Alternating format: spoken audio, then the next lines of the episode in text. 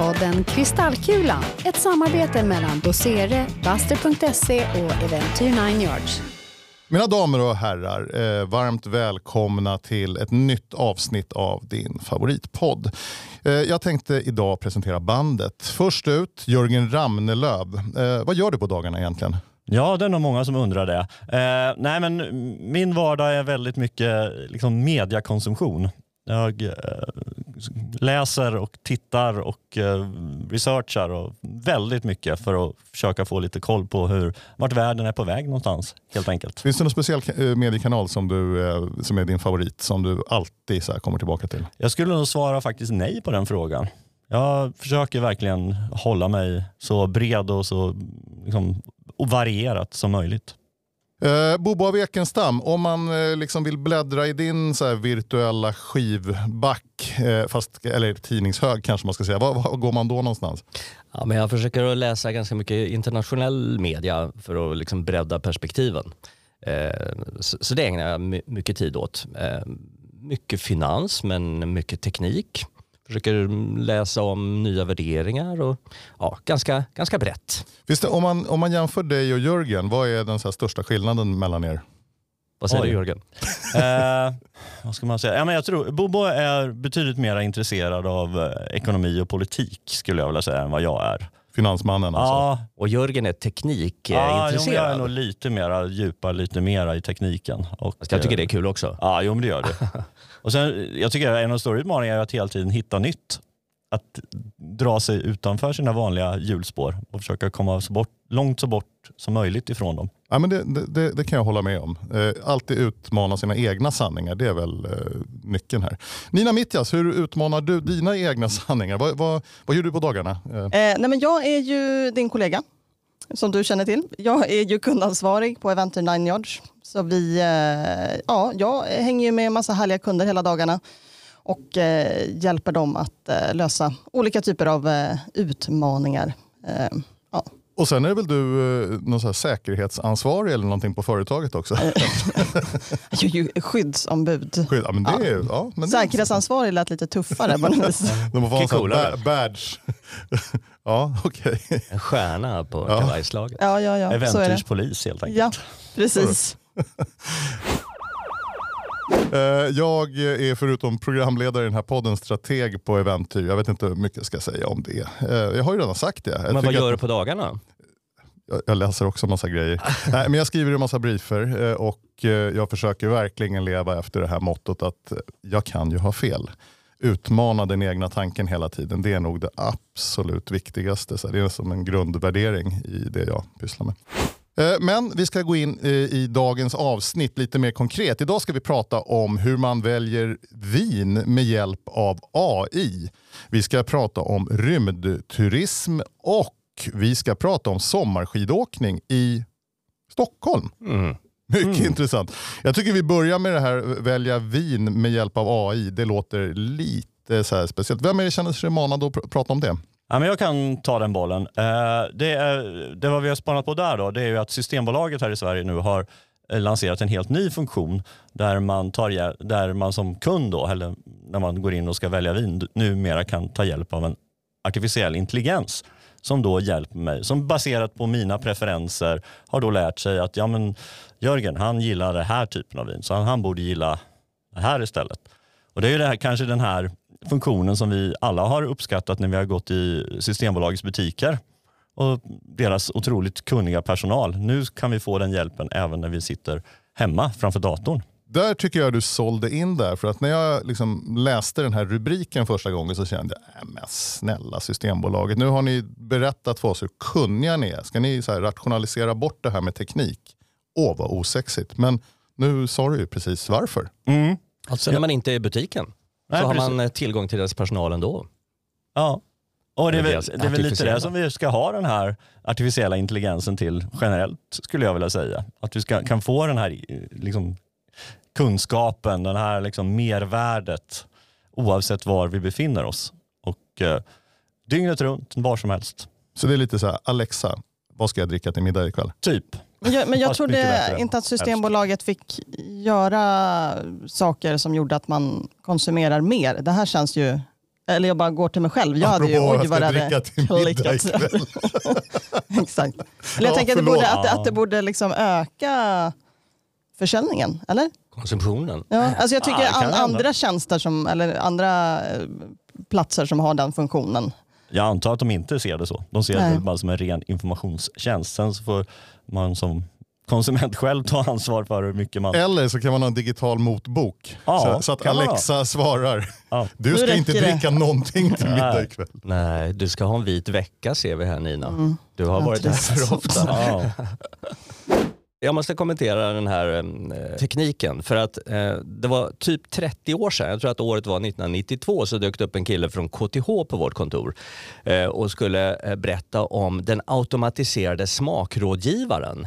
Eh, och han hade kommit på ett system då där man baserat på vad många tycker skulle då kunna eh, utröna vad man själv tyckte om musik, om böcker eh, eller filmer eller någonting annat.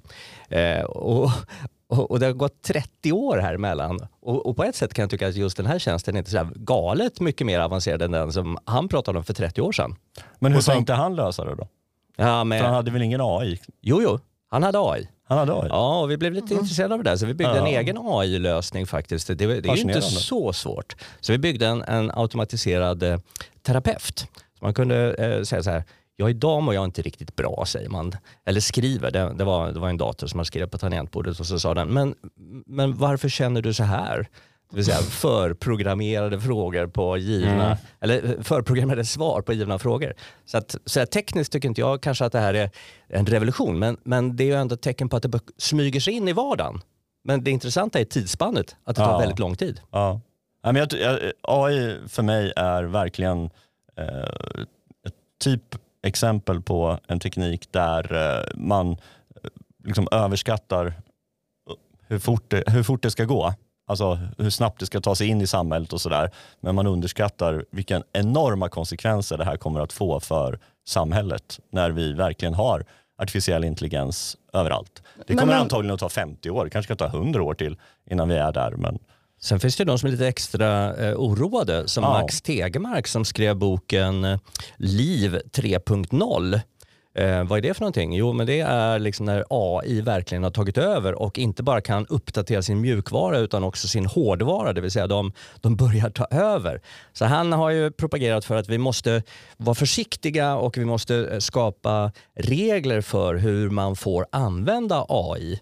Eh, och, och genom att han har skrivit en hel bok om det eh, och är ju en synnerligen eh, smart eh, person så anar man ju att ja, men det finns rätt stor potential i den här tekniken.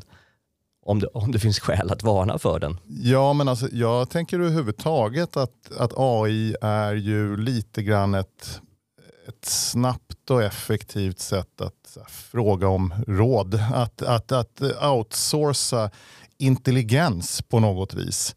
Eh, och och det, det i sig tycker jag är lite så här, det finns en, en varningssignal i det. Så här, ska vi sluta vara intelligenta själva? Vi, vi liksom nöjer oss med att alla datorer ska fixa allting. Det är ungefär som man kan höra barn säga idag, så här, men varför behöver jag räkna matte? Jag kan ju så här, använda, eh, det finns ju datorer som hjälper mig med det. Varför ska jag läsa historia? Nej, men det, finns ju, det går ju att googla allt. Så- och, och det, det, är ju så här, det är sammanhanget, tappar vi det? Det kanske är en risk. Ja Martin, så du menar att eh, ju smartare AI blir desto mindre smart blir vi människor alltså? Det var kanske inte riktigt det jag sa, men jag sa att kraven på oss att eh, vara smarta minskar kanske. Så det är lite grann där sänka trösklar till någon sorts eh, soffpotatisbeteende igen då, då som jag pratade om i tidigare avsnitt. Eh, vi ska gå raskt vidare till rymdturism och vad jag förstår så är det då de första rymdturisterna till ISS, den här stationen. Och Jörgen, våran egen Space Cadet, han får naturligtvis ta det här ämnet. Finns det något ämne som jag går igång på ordentligt så är det faktiskt det. Jag skulle hemskt gärna själv ge mig iväg faktiskt. Eh, nej men det här tycker jag, det här är ju ett genombrott. Det här är ju det. Nu, nu när, vi, när vi snackar rymdturism och när vi använder just epitetet turister så får man ju ta det med en nypa salt. Här snackar vi alltså om fyra män som betalade 550 miljoner per styck för att få åka upp på den här resan. Men det är ju ändå någonting som vi har sett framför oss under många, många år och eh, liksom, jag pratar så mycket om flygande bilar som en sinnesbild för framtiden och då skulle jag vilja säga att också rymdturismen är verkligen en sinnesbild för framtiden och där är vi på väg ganska snabbt nu faktiskt. Ja, men det finns ju ganska många initiativ. Vi har, vi har ju de här tre rika männen, amerikanerna. Richard Branson som kör Virgin Galactic och sen har vi Jeff Bezos som kör Blue Origin och sen har vi ju Elon Musk med sin SpaceX. Eh, och alla erbjuder ju nu faktiskt resor ut i rymden och den billigaste om man, om man söker på pris, eh, det tror jag faktiskt just nu är, Bransons Virgin, Gal Virgin Galactic där man kan åka för två miljoner. Eh, Vilket fynd. det räcker ju med att sälja lägenheten Martin, så kan du åka.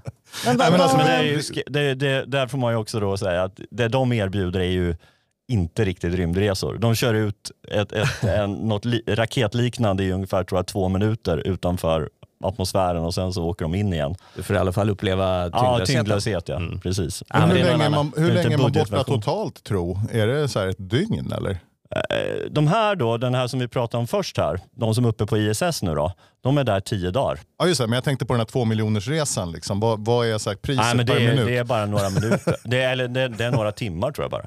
Okej. Och, och, vad, vad gör de där uppe då i de här tio dagarna? Vad, liksom, vad gör man på en rymdresa? Re, Berätta för den som inte har någon som helst koll på rymden.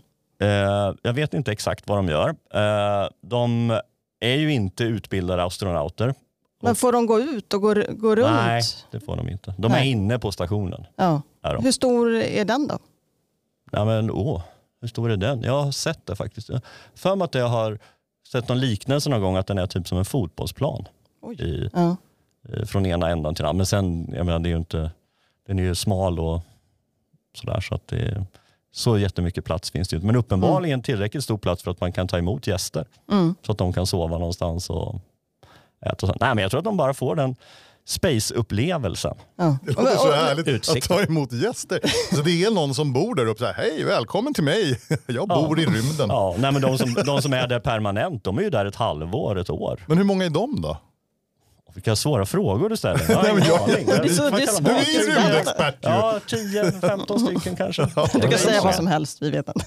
Men, men och hur, de, de här som åker upp, måste de förbereda sig jätte, jättelänge? Ja, Det måste det är, man. jätte, alltså, det är ju väldigt mycket tester. Alltså, det är ju det är ganska påfrestande för kroppen att flyga upp och eh, åka tillbaka sen. För- att för vara där uppe tror jag inte är så ansträngande men att vara, att själva resan är ju fortfarande väldigt, väldigt ansträngande. Mm. På, så För det är framförallt fysisk fys, fysträningen. För Ja. det förväntas inte att de ska göra någonting. Nej, Det är Nej. nog inte det är mer liksom för, Dra i några spakar eller? Ja. Ja, men jag Ja, såg eh, faktiskt på CDON hade, om det var förra året, på Bla- Black Friday så kunde man köpa en rymdresa eh, för 2 376 eh, kronor. Eh, och då fick man 10 rabatt om någon köpte den på Black Friday. Och då ingick resa till USA och så fick man bo några nätter på lyxhotell. Och sen fick man eh, tre dagars astronaututbildning.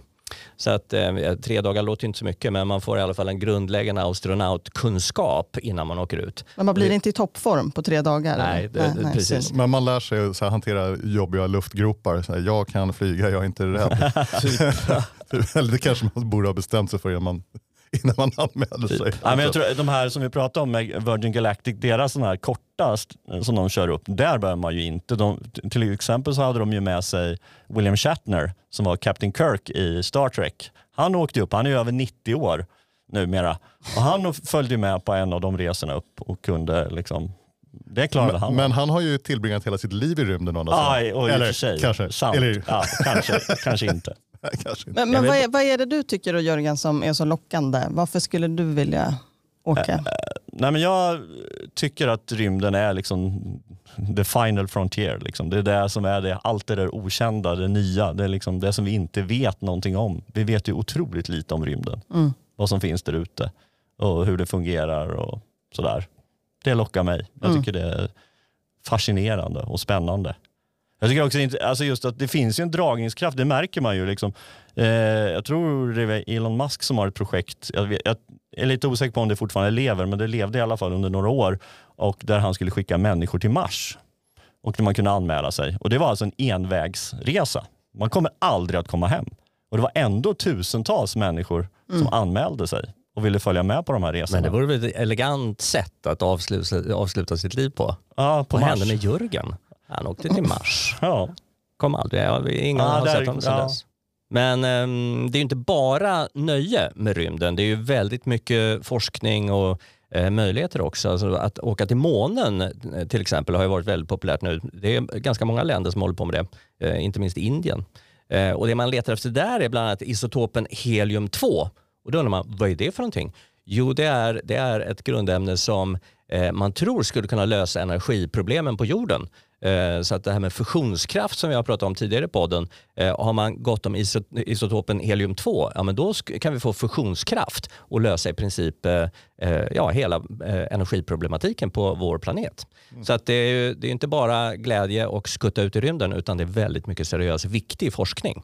Ja, om vi bara hittar det här ämnet då kan vi lösa hela energiproblematiken på jorden. Det låter så otroligt enkelt. Det känns som att vi behöver tre avsnitt till bara för att förklara vad, vad isotopen helium-2 är för någonting. Det har vi inte tid med. Det Nina, du har varit ute och frågat folk på stan om, om rymdresor i alla fall. Ja, det har jag. Vi lyssnar.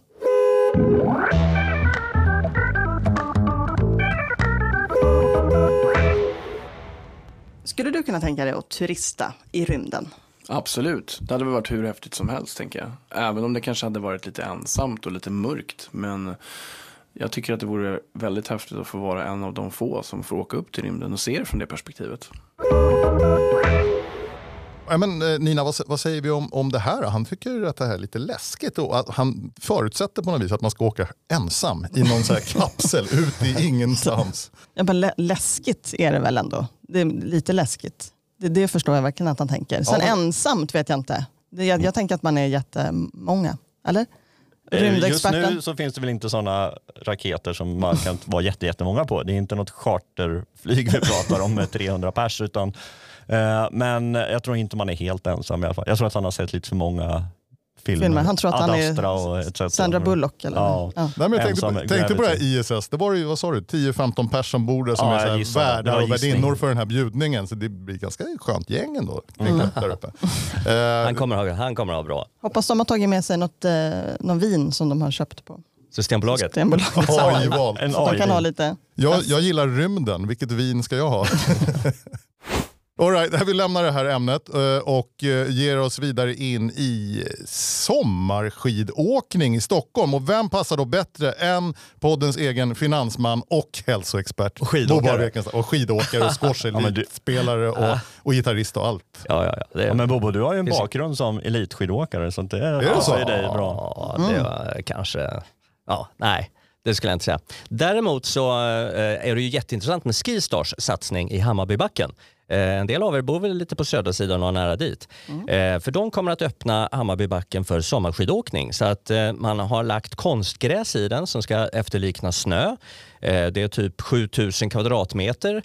Svårt att ta ställning till hur mycket det är, men det är väl i princip hela backen ner där man ska kunna åka skidor eh, året runt, eller i alla fall på sommaren. På vintern kan man fortfarande jag ha måste snö. bara innan, för nu säger jag så här, konstgräs, då är, då är inte det som snö. Utan snö, gräs är gräs, eh, snö är snö. Snackar vi om sådana här vita borstar man åker på? Typ, eller? Ja, jag vet inte vilken färg det kommer vara. Det är väl risk för att det är grönt. Ehm, Men det är jag- borstar i alla fall. Det är Ja, väldigt, det väldigt långt och styvt Ja, det, kommer inte vara, det, konstgräs. det kommer nog inte vara som djupsnö. Det kommer mer vara som pistad snö. Ja, ja. Men och, så hårda, långa lär det väl inte vara? Det är ju inte en, sop, inte en PSA. Nej, men, okay, men det, det är väl preparerat. All right, vi köper det. Ehm, och sen eh, utöver skidåkningen då så ska man ha någonting som heter Mountain Coaster. Det är som en, liksom, eh, en rådelbana 800 meter. Och sen ska man ha en, en, en klätterpark eh, som ska vara utöver det vanliga. Och sen har man lite cykelleder och sådär. Så att det kommer bli en riktig nöjespark, Hammarbybacken. Och det där med att åka skidor på vintern, ja, men det, det har jag faktiskt gjort Martin. Eh, riksgränsen några gånger på sommaren i badbyxor och, och t-shirt. Det, det är nice. Så det, det, ja, det blir skönt i Hammarbybacken. Men då är det riktigt snö. Och- Men det som man funderar över då lite grann, det är att kommer det vara då de här grässnöborstarna året runt eller kommer det faktiskt att gå och åka på riktig snö på vintern? Har de Det- sagt något om det? Det kommer vara riktigt snö på vintern. All right. Ja. Om det finns någon. För det är I ju... framtiden Ja. kanske det inte finns. Nej. Det är väl det här som är grejen. Att Ja, de det är vill, det vill är se grejen. till att det alltid går att Ja. hålla öppet. Precis. Fast lite det vi vill leda in det på, det är ju upplevelser. Eh, vi har ju länge pratat om upplevelsesamhället, att det är på gång och eh, eh, vi ser ju spår av det. Eh, och det här är ett exempel. Ja. Och, men det, alltså, nu hakar ju Stockholm och Hammarbybacken på här, men det, det här är ju en trend vi har sett i svenska fjällen under flera år här nu, hur man liksom försöker bli en året runt destination. Liksom. Dels av att ja, absolut det finns en ekonomi, det finns liksom pengar att tjäna i det. Men också eh, lite det här med att man safear upp mot eh, klimatförändringen. Jag menar, det går inte att, som i Hammarbybacken kanske då gå och vänta på att liksom, kommer vi att kunna öppna någonting i år eller inte. Det har ju varit några år här på slutet där det knappt har gått att öppna för att det finns liksom ingen snö. Eh, det, men nu safear man ju det. Liksom. Ja, men vi, kommer att, ja, vi vet, vi kommer att ha öppet. Det är liksom garanterat. Antingen kommer du få åka på vanlig snö eller så kommer du få åka på det här istället. Mm. Ja, men det, låter väl, det låter väl smart. Och jag kan tänka mig också, det är inte helt gratis att köra de här snökanonerna heller. Eh, alltså det... Och kanske inte miljövänligt heller. Nej, precis. Garanterat inte. Men vi tänkte väl också prata lite grann om upplevelser för övrigt då. För att eh, vi, vi tror att det, det är ett fenomen som kommer komma mer och mer. Eh, och ett exempel är Canada Goose-butiker som har eh, i sina butiker eh, installerat någonting de kallar för cold rooms. Det är minus 27 grader. Och så kan man ta en jacka och så kan man gå ut i det där rummet och så kan man uppleva en snöstorm.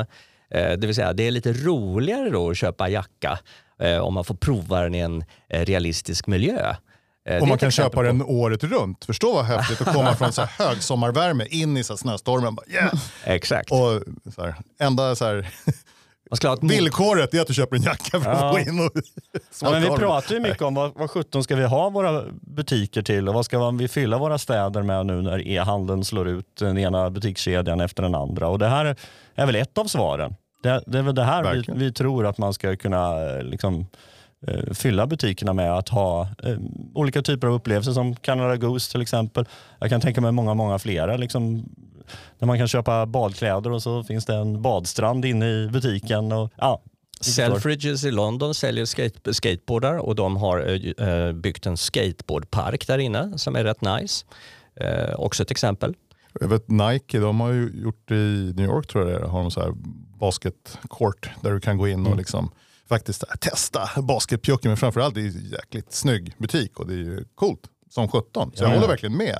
Upplevelsesamhället så här, kommer mer och mer och det, det är ju fantastiskt. Och inom kort så eh, öppnar ju Bon, bon Bott på Sturegatan här eh, en eh, liten butik där man kan köpa mjukglass som hälls upp eller serveras av robotar. Vilka, vilken typ av robotar? Alltså, Det är en stor arm, det är, det är inte såna där som ser ut som människor utan det är en stor arm som eh, rör sig och tar tag i en strut och sen för den under en maskin och så hälls det upp eller sprutas ut och sen överräcks den till kunden. Och grejen är att jag kan inte låta bli att tänka på att det blir någon så här virus. Så att den, den Nej, här exakt, roboten börjar mula ur, ja. folk med, med mjukglassar och den här baren börjar så här gå bananas och så här kasta grejer omkring sig. Kära poddensemble, eh, vi avslutar i vanlig ordning med lite takeouts. Boba Wekenstam, vad är det viktigaste du har att ta med och ankra Ja, men om vi pratar AI då eh, så sa vi att utvecklingen går ganska långsamt och vi refererar till 90-talet. Men det händer ju väldigt mycket och det man hoppas är ju verkligen att vi får en otrolig nytta av AI. Till exempel eh, det här med digitala tvillingar inom medicinområdet där vi har hel koll på vår hälsa eh, och, och liksom har AI-hjälp för att få råd om kost och träning och, och varningar kring sjukdomar. Så att jag, jag tror nog att taken med AI det är att eh, det har nu gått lång tid sedan vi började med det och det finns stora möjligheter som börjar komma en efter en.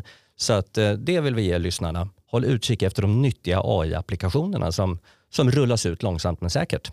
Nina, vad är, vad är din... eh, det här med eh, Hammarbybacken. Ni, ni kommer hitta mig i Hammarbybacken hela sommaren. Nej, men det där låter ju superspännande. Och eh, bor ju inte allt för långt ifrån. Så att det där verkar ju skitkul. Vi ses där. Ja, vi ses där. Ta en, eh, aft- är det, är det fortfarande, ja det måste ju ändå vara Man kan en afterski, afterski, after ja. beach. Ja, Eller bara after, on- after on klättring, after bike. After Ja. summer ski. Ja, ja men det, blir- det blir bra. Ja, men det låter ju superspännande. Eh, och eh, Jörgen, det är ju rymden Nej, ser såklart. vi, träffar vi Det i rymden. rymden såklart. Ses på Mars.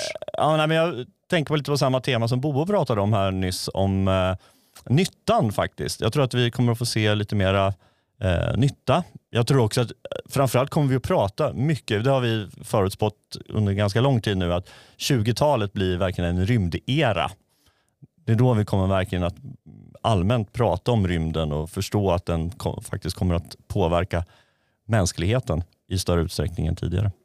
Så där vill jag. Ha, håll koll på det. Härligt. Eh, jag avslutar i vanlig ordning med eh, lite musik. Eh, och jag törs ju påstå att även 70-talet var en rymd era.